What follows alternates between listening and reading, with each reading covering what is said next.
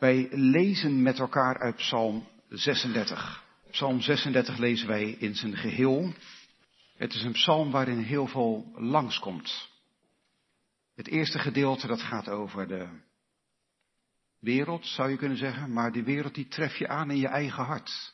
David zegt daar de overtreding van de goddeloze, die spreekt in mijn hart. Hij zegt niet in het hart van mijn buren, maar in mijn hart. Dus die goddeloze die we hier tegenkomen, die ken je als het goed is ook zelf. Maar dan gaat het op een andere boeg als het over de Here gaat. We lezen deze psalm. En daar luidt het heilige en gezaghebbend woord van God als volgt. Een psalm van David, de dienaar van de Here, voor de koorleider. De overtreding van de goddeloze spreekt binnen in mijn hart. Ontzag voor God staat hem niet voor ogen. Want hij vlijt zichzelf in zijn eigen ogen tot men zijn ongerechtigheid vindt en haat. De woorden van zijn mond zijn onrecht en bedrog. Hij laat na verstandig te handelen en goed te doen. Op zijn slaapplaats bedenkt hij onrecht. Hij gaat op een weg staan die niet goed is. Het kwaad verwerpt hij niet. Heere, uw goede tierenheid reikt tot in de hemel. Uw trouw tot de wolken. Uw gerechtigheid is als de machtige bergen. Uw oordelen zijn als de grote watervloed. Mensen en dieren verlost u, Heere. Komt nu onze tekst, vers 8 tot en met 13. Hoe kostbaar is uw goede tierenheid, o God. Daarom nemen de mensenkinderen de toevlucht onder de schaduw van uw vleugels. Zij worden verzadigd met de overvloed van uw huis. U laat hem drinken uit uw beek vol verrukkelijke gaven. Want bij u is de bron van het leven. In uw licht zien wij het licht. Strek uw goede tierenheid uit over wie u kennen. En uw gerechtigheid over de oprechte van hart. Laat de voet van de hoogmoedige niet over mij heen komen. Laat de hand van de goddeloze mij niet doen rondzwerven. Daar zijn zij gevallen die onrecht bedrijven. Ze zijn neergestoten en kunnen niet meer opstaan. Tot zover het woord van God. U bent zalig als u dit woord hoort, bewaart en eruit leeft. Gemeente des Heer, het woord van God, onze tekst voor deze avond is Psalm 36 en daarvan vers 8 tot en met vers 13.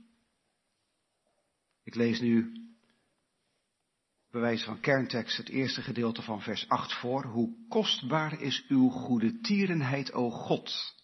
Daarom nemen de mensenkinderen de toevlucht onder de schaduw van uw vleugels. Thema voor deze avond is Gods overvloedige goedheid. Gods overvloedige goedheid. En we letten op vijf dingen. Op Gods goedheid, naar aanleiding van vers 8. Op Gods overvloed, vers 9. Gods levensbron, vers 10. En dan komen we bij David uit, Davids verlangen naar meer, vers 11. En Davids beden, Davids roep om bescherming, vers 12 en 13. Gods goedheid, Gods overvloed, Gods levensbron en Davids verlangen naar meer en Davids gebed, Davids roep om bescherming. Gemeente, zo nu en dan kan je dat in het nieuws wel lezen. Komen vluchtelingen de grenzen over, bijvoorbeeld de Russische dienstweigeraars. Ze zijn niet welkom. Komen er asielzoekers uit Afghanistan of andere plaatsen, in Harskamp, je zou toch wel zeggen een deel van de Bijbelbelt, niet welkom. Ze werden ontvangen met protest en relletjes. Hoe kan dat? Wat zijn wij mensen anders dan God? Kijk eens hoe het daar eraan toe gaat bij de Heer. En ik hoop dat u dat vanmorgen ook zo mocht ervaren aan zijn tafel. Mensenkinderen vinden onder de schaduw van Gods vleugels hun toevlucht. Ze zijn daar hartelijk welkom. Hoe merk je dat? Heeft u het gemerkt vanmorgen, gemeente? In vele culturen merk je hoe welkom je bent en dat merk je aan de tafel. Aan de tafel word je dan gastvrij onthaald. Het kan niet bestaan dat je beker leeg raakt of dat de schaal met eten op is. Die wordt aangevuld zolang je daar aan tafel zit. En als je je maag en je lijn een beetje in bescherming wil nemen, stop je op een gegeven moment met eten. Zo gaat dit in die culturen. Elke keer wordt er weer nieuw eten geserveerd.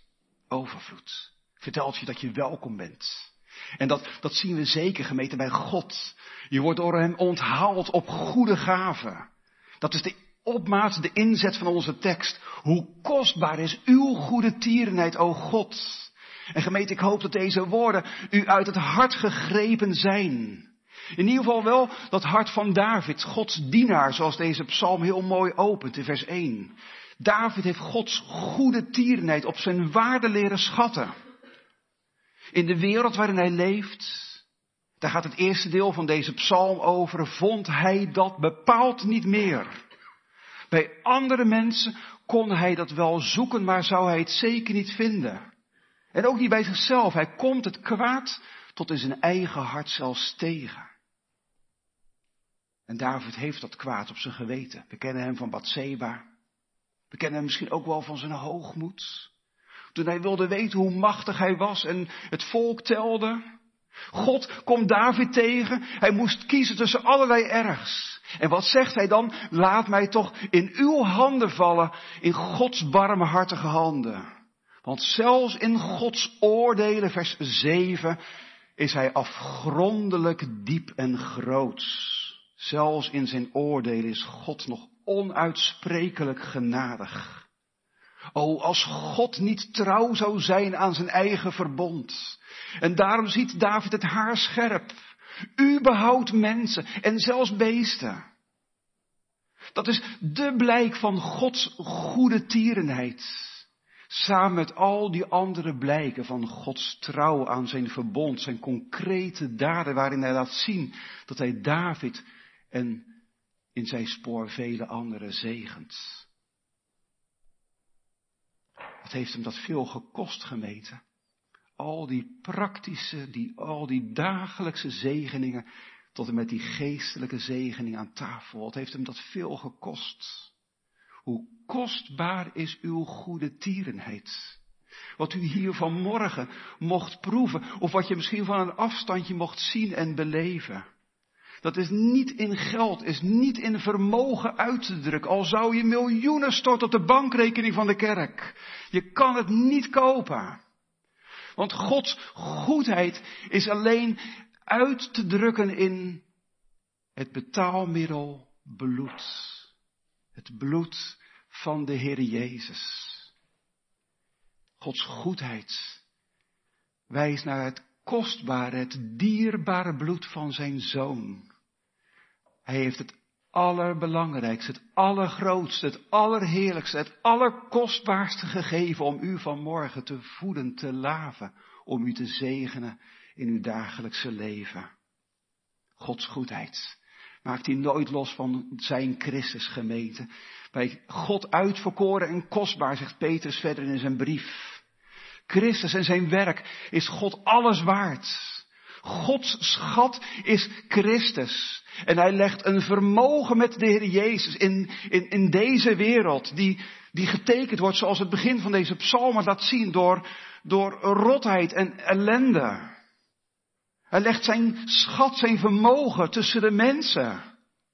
Die, die zoals David het beest in hun eigen hart tegenkomen en ontdekken van anderen, van de wereld, van mezelf moet ik het niet hebben. Nee, ik moet het van God alleen hebben. Opnieuw haal ik Petrus aangemeten. Ik leg in Sion, zo zegt Petrus, een hoeksteen die uitverkoren en kostbaar is. Wie in hem gelooft, zal niet beschaamd worden. Dan kan je niet anders dan naar hem vluchten en bij hem schuilen. Zo heeft David Gods goedheid op waarde leren schatten. Hoe is dat nou met u gemeten? Ziet u de waarde in van dat bloed van de Heer Jezus?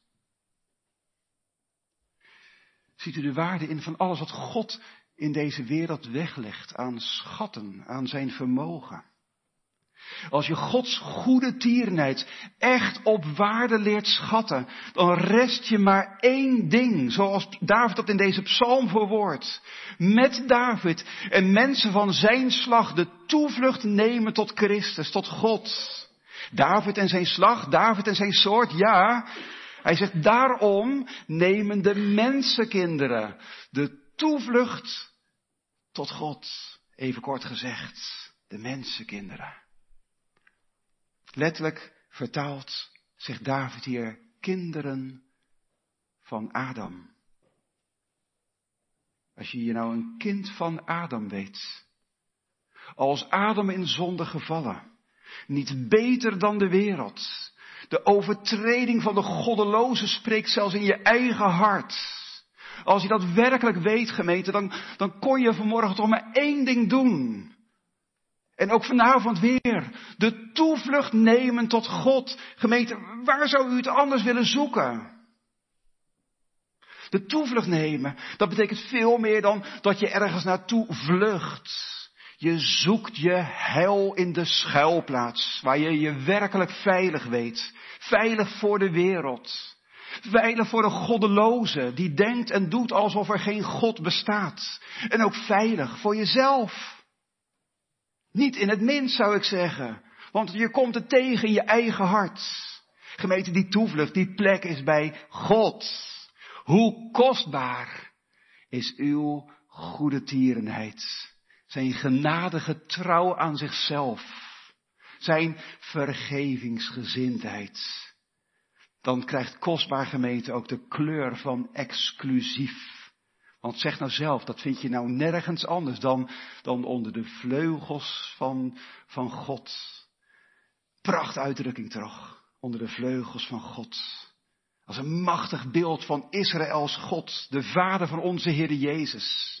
Hij die de weg gebaand heeft naar binnen, tot onder die vleugels. Hij die zelf de schuilplaats is, die je smeekt, ja, die je smeekt om bij hem te schuilen. Hoor hem het zeggen tegen Jeruzalem. En zou hij dat in Venendaal anders doen?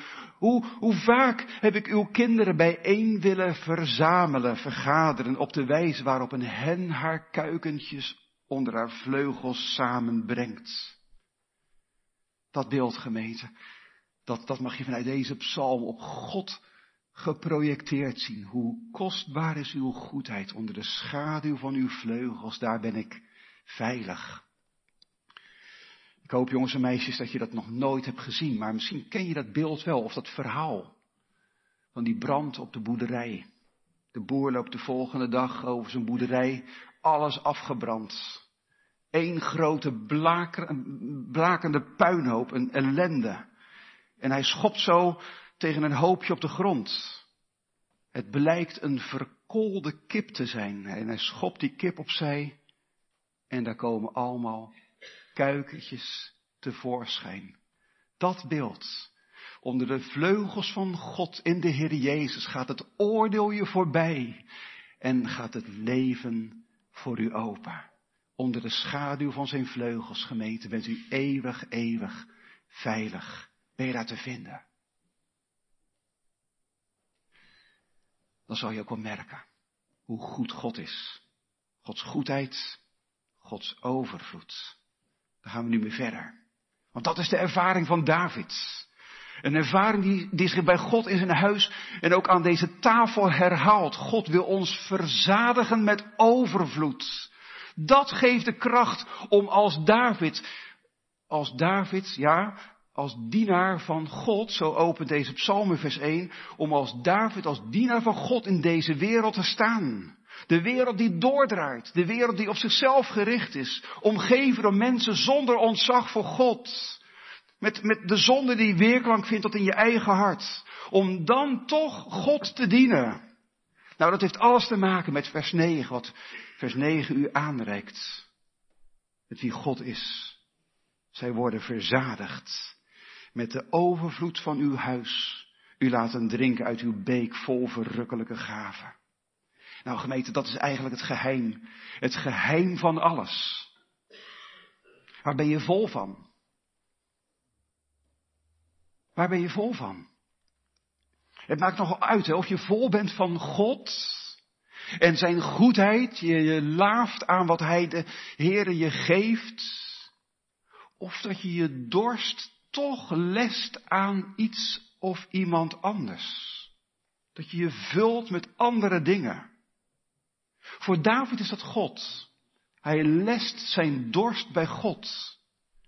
Waar doe jij het? En u? De Heere wilde u verzadigen aan zijn tafel.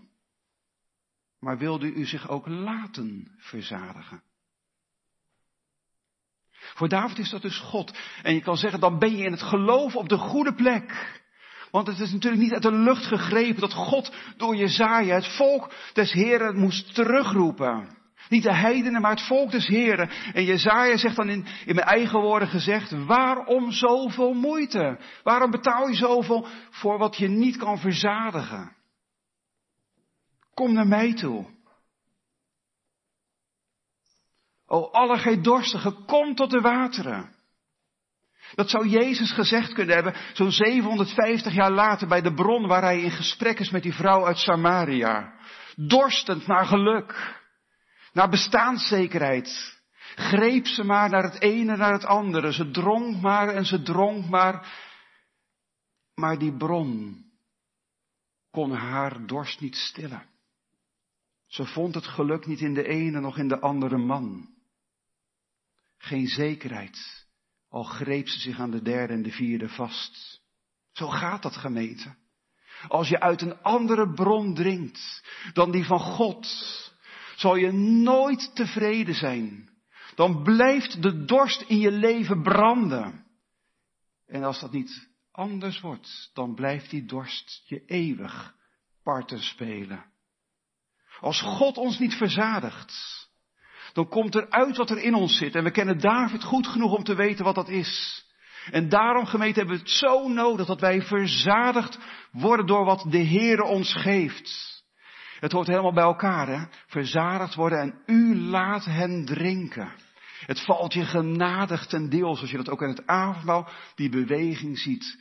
Dat God zich naar je toebuigt en je de beker, het brood aanreikt. God deelt het in zijn goede tierenheid uit. Dat woord, dat klinkt heel vaak in deze psalm. Gods goede tierenheid, Gods trouw aan zichzelf, aan zijn verbond. En daarom doet hij je delen uit, in de gave van zijn verbond. De genadegave. En dat is in de beeldtaal van deze psalm te vergelijken met een overvloedige maaltijd. De maaltijd die nooit een lege schaal bevat. Waarbij de beker nooit leeg blijft staan. Omdat God je zo welkom heet. Een overvloedige maaltijd dus, die de Heere God je in zijn huis voorzet.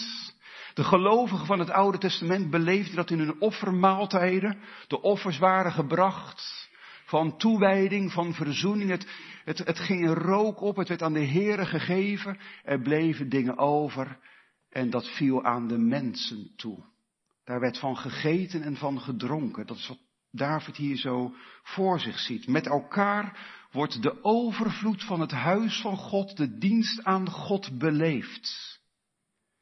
Eigenlijk is overvloed nog niet eens de beste vertaling. Het gaat hier om het beste van Gods huis.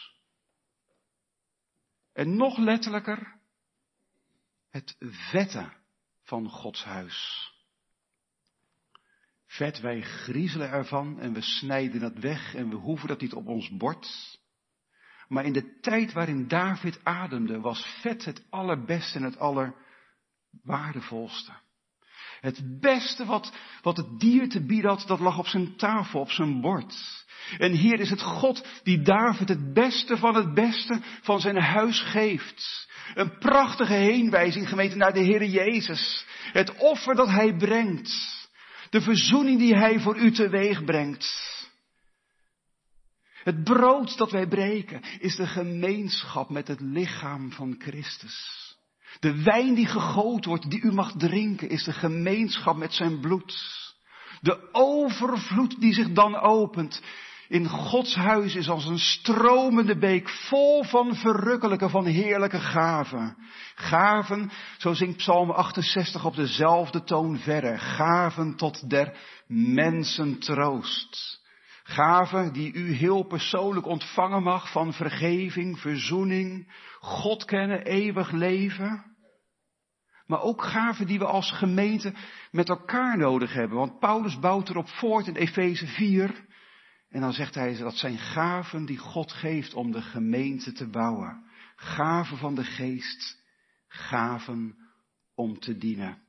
En zo zijn we weer bij het opschrift bij deze psalm van David, de dienaar van God. Hij kan alleen dienen als God hem uit zijn overvloed verzadigt. Hoe is het bij u gemeente? Vol van God? Of drink je nog uit een andere bron en tap je uit een ander vaatje? We gaan naar het derde. Waarom word je bij God verzadigd? Het antwoord geeft vers 10. Want bij u is de bron van het leven. In uw licht zien wij het licht. Nou, daarom dus, daarom moet je bij God zoeken, gemeente, bij wie anders? Ja, dat is zo, en dat weten we. Maar ondertussen tapt die vrouw uit Samaria wel uit dat andere vaatje. En sterft een menigte mensen in Jeruzalem, notenbenen in Jeruzalem, in het tempelcomplex, dichter bij de bron kan je niet zijn.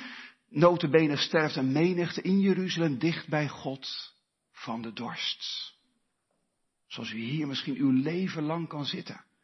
Heel dicht bij de bron. Heel dicht vooraan bij die tafel, maar drinkt u ook echt? Het is zoals de profeet Jeremia zegt in naam van God. Want mijn volk heeft een dubbel kwaad gedaan. Mij, de bron van levend water, hebben zij verlaten om zichzelf bakken uit te houden. Lekkende bakken die geen water houden. En dat gaat niet eens over de godloze, de mensen daar veilig buiten onze muren, zoals u misschien voelt of denkt. Maar het gaat over Gods eigen, Gods bloedeigen volk. Ze hebben mij verlaten. Hoor je dat? Hoe, God daar de klacht als het ware door de, door de profeet Jeremia tot uiting geeft, brengt. Ze hebben mij. Ze hebben niet iets, ze hebben niet wat verlaten, maar mij. Mij ingewisseld voor alternatieven. Voor dingen die nooit je bron van leven kunnen zijn. Gemeente, laten we eerlijk zijn. Wat moet God ons vaak terugroepen? In de verkondiging. De vinger op de zere plek leggen en, en het aanwijzen. In de uitnodiging tot zijn tafel. We horen dan, we horen dan Jezus roepen, gemeente, als iemand dorst heeft. Laat hij tot mij komen. Je moet bij hem zijn. En bij hem blijven. Bij hem blijven, ja. Want u leest het, u hoort het goed, want bij u is de bron van leven. Goed lezen, goed luisteren, bij u. Dat is toch weer anders dan u bent. U bent de bron van leven, ja dat is waar. Dat is de Heer zeker. God is de oorsprong van alle leven. Zonder hem bestaat niemand. Maar wat, wat David hier bedoelt is iets, net iets anders om uit de bron te drinken, om het licht te zien waarmee het verder gaat, moet je bij God zijn. Bij Hem thuis komen. Aan zijn tafel als gast worden onthaald. Kortom, gemeente, bij Hem zijn. Bij Hem blijven, daar komt het op aan. Daar komt het op aan natuurlijk niet alleen maar op zondag. Maar door steeds de omgang met de Heer te zoeken in je gebed, in je stille tijd. Steeds bij Hem zijn. In je dagelijkse leven. Om uit de bron te drinken en je plek in de samenleving in te nemen. Wie is die bron anders dan de Heer Jezus, zei ik net. In gesprek met de vrouwen uit Samaria zegt Jezus dit van zichzelf. Wie drinkt van dit water dat ik hem zal geven, die zal in eeuwigheid geen dorst meer krijgen. dan krijgt de levensbron gemeten zijn eigenlijke betekenis. Niet alleen maar biologisch leven, dat je hier op aarde kan bestaan. Daar is God natuurlijk ook de bron van. Maar het echte leven. Het leven met de Heere. Het eeuwige leven is dat. Ik ben de bron van eeuwig leven en bij God vind je die bron. Wat ik doe, wat ik geef, wie ik ben, dat geeft je eeuwig leven. Dat brengt je daar. Waar je nooit meer dorst hebt, omdat er aan het kruis iemand heeft gehangen. Mijn zoon, mijn kostbare gave die het uitgeroepen heeft. Ik heb dorst. Bij hem taal je niet meer naar anders. En smaakt het naar bedorven water. Ben je daar gemeente? En dan zal je ook daar komen. Het eeuwige leven waar je nooit meer dorst hebt. Waar je nooit meer naar andere bronnen zal talen. Waar, waar God, waar het lam je zal leiden naar de bronnen, de eeuwige bronnen van, van levend water. Gemeente, dan kan je van die korte momenten hier op aarde beleven. Zo'n slokje is zo weg. Maar wat kan je daarnaar verlangen? Om thuis te komen. Mijn ziel dorst naar God. God des levens. Ach, wanneer. Deze bron hier, die een verzadigen wil onderweg, verzekert je ook. Je komt daar zeker. Christus is de bron van leven en van licht. Water en licht. Twee beelden die elkaar aanvullen. Licht heb je natuurlijk nodig om te kunnen leven. Zonder licht is het een duistere bedoeling in je hart. En dat is precies wat de Satan en de zonde met je doen. En daarom zegt Jezus vanavond tegen jou, volg mij. Want ik ben het licht der wereld die mij volgt. Die zal beslist niet in de duisternis wandelen, maar zal het licht van het leven hebben. In dat licht zien wij het licht. Zien we de wereld zien we ons mens zijn, ons zondaar zijn in het licht van God. En gemeten dan gaat het lichtje echt op. Dan zien we door dit licht uit en door tot de nieuwe hemel en de nieuwe aarde. Met een rivier vol levend water, waar geen zon, geen maan meer nodig is, maar waar God in het lam je eeuwig in het licht zet. Stil maar, wacht maar. Alles wordt nieuw. Het komt zover. We gaan nu naar het vierde. We hebben het gehad over Gods goedheid, Gods overvloed, Gods levensbron. Ik heb u tussendoor wel wat vragen gesteld, zo van nou, hoe staat u daarin? Hè? Hoe laaf je je aan God of aan andere dingen in je leven? Drink, drink nu levend water uit die bron. En dan gaan we David ook horen. En misschien resoneert er daar nog wel meer van uw ervaring in door. Ervaringen gemeten voor, voor uw leven van elke dag. Want het geloof is geen vlucht uit het leven. Het geloof en ook deze dienst en ook de avondmasviering is geen bubbel waar je heerlijk schuilt bij God en drinkt uit de bron, het licht ziet, maar waar de grote boze buiten, buitenwereld vervolgens afwezig is en blijft. Nee, David is zijn roeping niet vergeten. Hij is dienaar van de Heere. Vers 1. En daarom bidt hij voor zichzelf. En door de koorleider laat hij dat gebed weer galmen in de eredienst. Via de koorleider, ja tot en met vanavond toe, gaat dit gebed mee. En mogen we het gelovig meezingen. Hier het eerste gebedspunt in vers 11. Strek uw goede tierenheid uit over wie u kennen. En uw gerechtigheid over de oprechte van hart. Wat vraagt David nou eigenlijk hier? David vraagt om verlenging. Strek uw goede tierenheid uit. Verlengen, uitstrekken, dat, dat, dat, dat zie je gebeuren met een elastiek. Je trekt het uit. Of als je een boog aanspant, dan trek je aan de pees en je, je trekt het allemaal daarmee, de boog trek je strak, maar die pees wordt langer.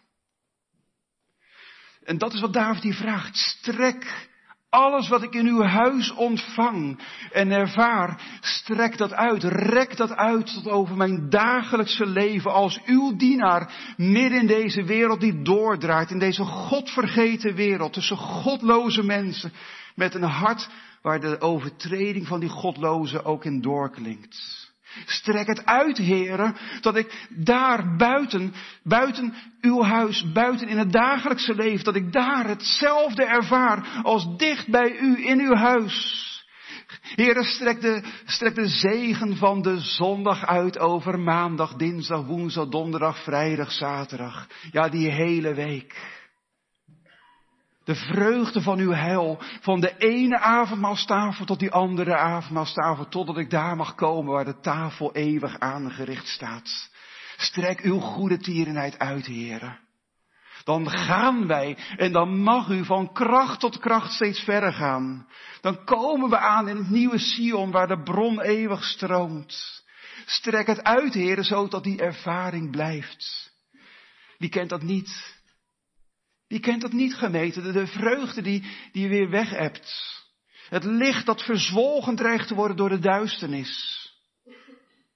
Dat heb je toch wel eens meegemaakt.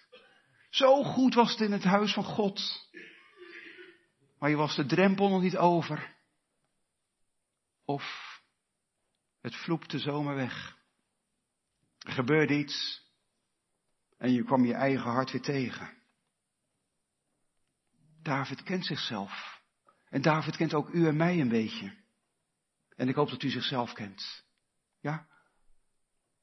We zijn op God aangewezen, gemeente. En we zijn op dat van God en dat bij God aangewezen. En daarom bidt hij die twee dingen. Strek uw goede tierenheid, uw gerechtigheid uit. Ook uw gerechtigheid. Goede tierenheid heb ik uitgelegd dat het gaat om Gods concrete gunstbewijzen de zegeningen van zijn verbond, die zijn niet voor de wereld. Die zijn niet voor de godloze zonder ontzag voor God, maar voor wie u kennen. Voor wie u kennen. Dat is een mooie uitdrukking, maar wat bedoelt David er nou precies mee? Hè? Strek uw goede tierenheid uit over wie u kennen. Wat is dat eigenlijk kennen? Kennen, dat is een heel, heel intiem woord.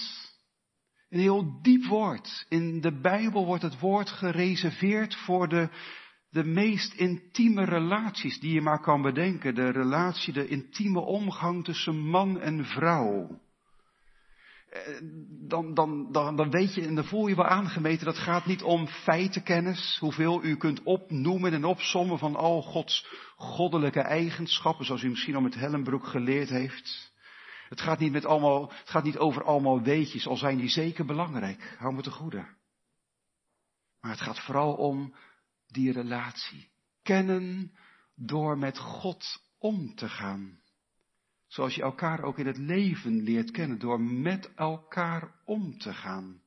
Als gezin, als man en vrouw, als mensen onderling.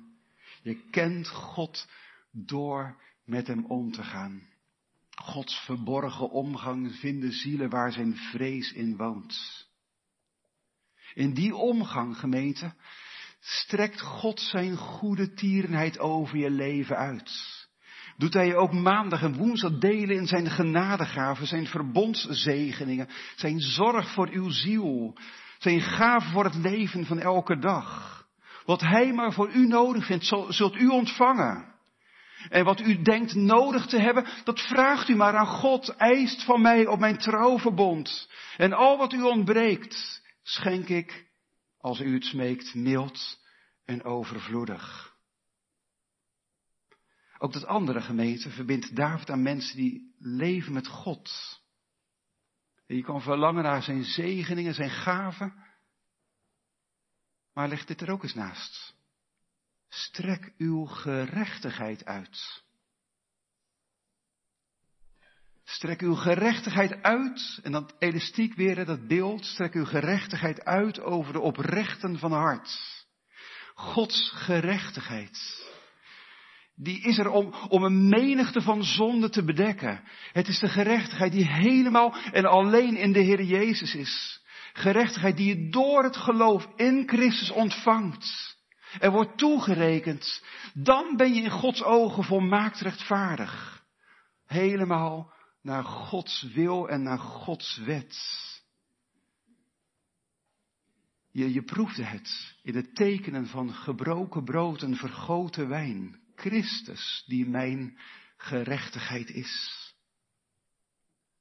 En laten we dat nou proberen naar deze psalm te trekken. Strek uw gerechtigheid uit over de oprechten van hart. Waarom zou David het nou zo formuleren? Nou, omdat gerechtigheid van God natuurlijk geen dekmantel kan zijn voor een zondig en zon, eh, goddeloos leven. Onder het mom van in Christus ben ik toch rechtvaardig. Kan ik doen en laten wat ik wil. Nou vergeet dat gemeente, dat wordt niets. Uw gerechtigheid, maar ook die dekmantel, die, dat gaat nooit werken. En daarom bidden we tot God, strek uw gerechtigheid uit over mij zodat hij mij blijvend bedekt, overal waar ik kom, waar ik ga en waar ik sta, wat ik doe en wat ik laat. Zodat uw gerechtigheid mij altijd overal bedekt. Wat een gebed, hè? Om mee te bidden, gemeente, daar zijn de psalmen voor. Om ze mee te bidden in die grote wolk van alle getuigen die ons zijn voorgegaan, die menigte mensen die ons omringen. We hebben allemaal dit ene nodig. Strek uw goedheid, strek uw gerechtigheid over mij uit. We gaan naar het laatste. Davids roep om bescherming. David kent zijn tijd. David kent zijn wereld. David kent zijn gevaren. De gevaren die hem bedreigen. En daarom bidt hij. En als u die gevaren herkent, gemeente, dan zou ik zeggen, bid mee. Hij bidt hier heel persoonlijk voor zichzelf. Als je goed hebt opgelet, dan zie je dat, dat zijn taalveld daar zich nu helemaal op richt, op dat persoonlijke. Eerst was het de mensen, over de mensen die u kennen, over de oprechten van hart. En dat, dat, dat, is, dat is inclusief. Je zou, zou kunnen zeggen dat is die hele avondmaalstafel van mensen die werkelijk de Heer Jezus ontvangen alle gelovigen. Maar nu wordt hij heel persoonlijk hier zo. Ineens is het mij. Het, het, is een, het is een lied dat hij nog steeds aan de koorleider opdraagt. Het, het is een lied wat aan de gemeente gegeven is. Het is bedoeld dat u het meebidt, maar ook wel heel persoonlijk gericht op uw eigen hart en op uw eigen leven. In de geestelijke strijd tegen de listige verleidingen van de duivel. Is, is dit gebed, gemeente, nodig en onmisbaar. En je zou kunnen zeggen, het gebed is onmisbaar sowieso en onlosmakelijk verbonden met de wapenrusting van het geloof waar Paulus over spreekt. Hier heeft u woorden voor dat gebed. Laten we het lezen. Laat de voet van de hoogmoedige niet over mij heen komen. Laat de hand van de goddeloze mij niet doen rondzwerven. Daar zijn zij gevallen die onrecht bedrijven. Ze zijn neergestoten en kunnen niet meer opstaan. David ziet hier echt het gevaar. Dat, dat, dat hij onder de voet gelopen wordt door hoogmoedigen. Zeg maar de mensen uit vers 2 tot en met 5. Geen ontzag voor God. De mens die zichzelf vertroetelt en het kwaad goed praat. Onder de voet gelopen door, door deze mensen. Door de maalstroom van de secularisatie. Van de moderne mens die geen bron kent dan, dan ik. En wat de wereld mij biedt onder de voet gelopen door de geest van de tijd. Is dat niet gemeente het grote front waar we mee te maken hebben? Het gevaar dat ons bespringt in de kerk en als u weer naar uw huis gaat. Dat je zomaar onder de voet gelopen wordt. In de cultuur van het Midden-Oosten is onder de voet gelopen worden nog wel iets meer dan zomaar ergens struikelen en vallen en meegesleurd worden onder de voet gelopen worden, dat is het teken van minachting, van overheersing, als je je overwinning aan iemand wilde laten zien. dan, dan zette je als koning in die tijd je voet op de nek van je vijanden. En dat deed je dan op je troon. En die vijand die sleurde je troontrappen op en dan bij de ene hoogste trap zette jij je voet erop. Lekker. Kan iedereen het zien hoe je je vijand te pakken hebt? Wat is dit een terecht gebed, gemeente?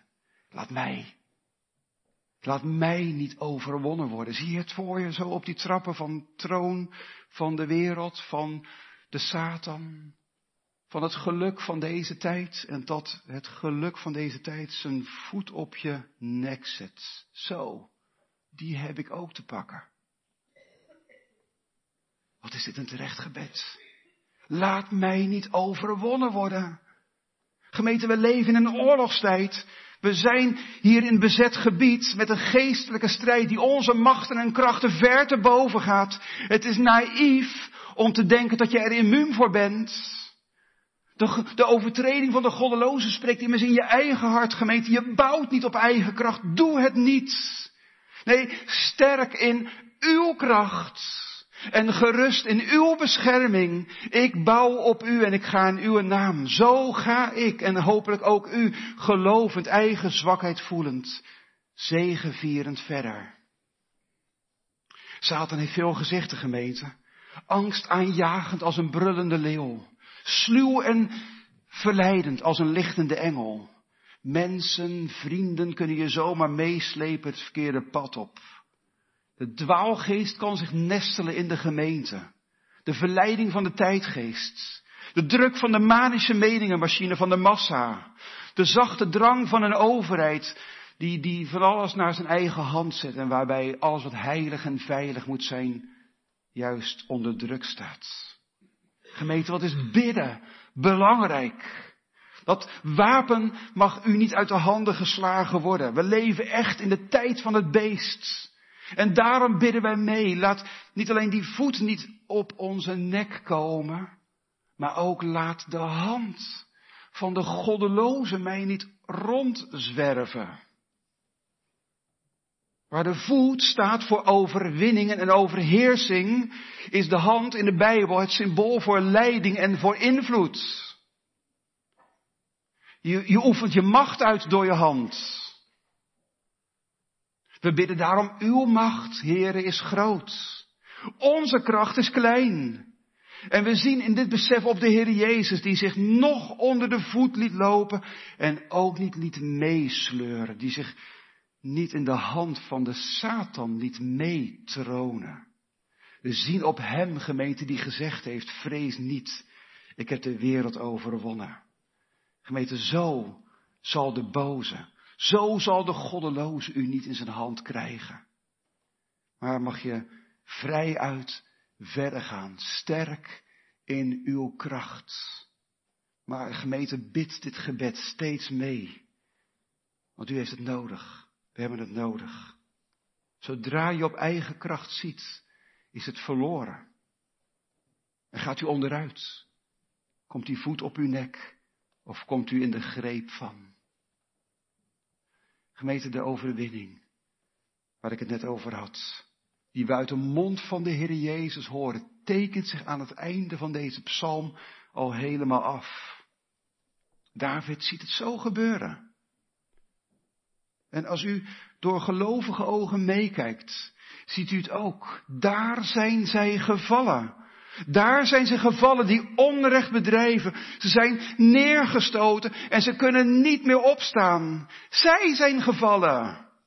Die machten en die krachten die hun voet zo graag op je nek zetten. Die je zo graag in de hand houden en grijpen en in hun invloed houden en gijzelen. Zij zijn gevallen. Gemeente, na Pasen zien wij dat zo mooi en zo duidelijk. Daar is Satan gevallen. Daar zijn de machten en de krachten die ons omringen gevallen. De dood is gevallen. Al die vijanden, ze zijn gevallen. Omdat Jezus is opgestaan. Omdat Hij leeft. En omdat Hij leeft, ben ik niet bang. En mag ik het zeker weten. Wat er ook gebeurt, Hij houdt mij vast. Hij leidt mij naar zijn toekomst. Naar die toekomst van de bronnen van eeuwig levend water.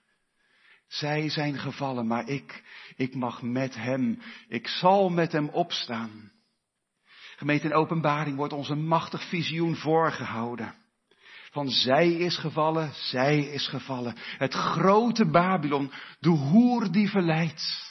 Gevallen om nooit meer op te staan. Dat is het aangrijpende lot van de wereld die doordraait. Van elk mens zonder ontzag voor God. Voor iedereen, ik zeg het maar eerlijk, die het bloed der verzoening voorbij gaat. Waar zoekt u het?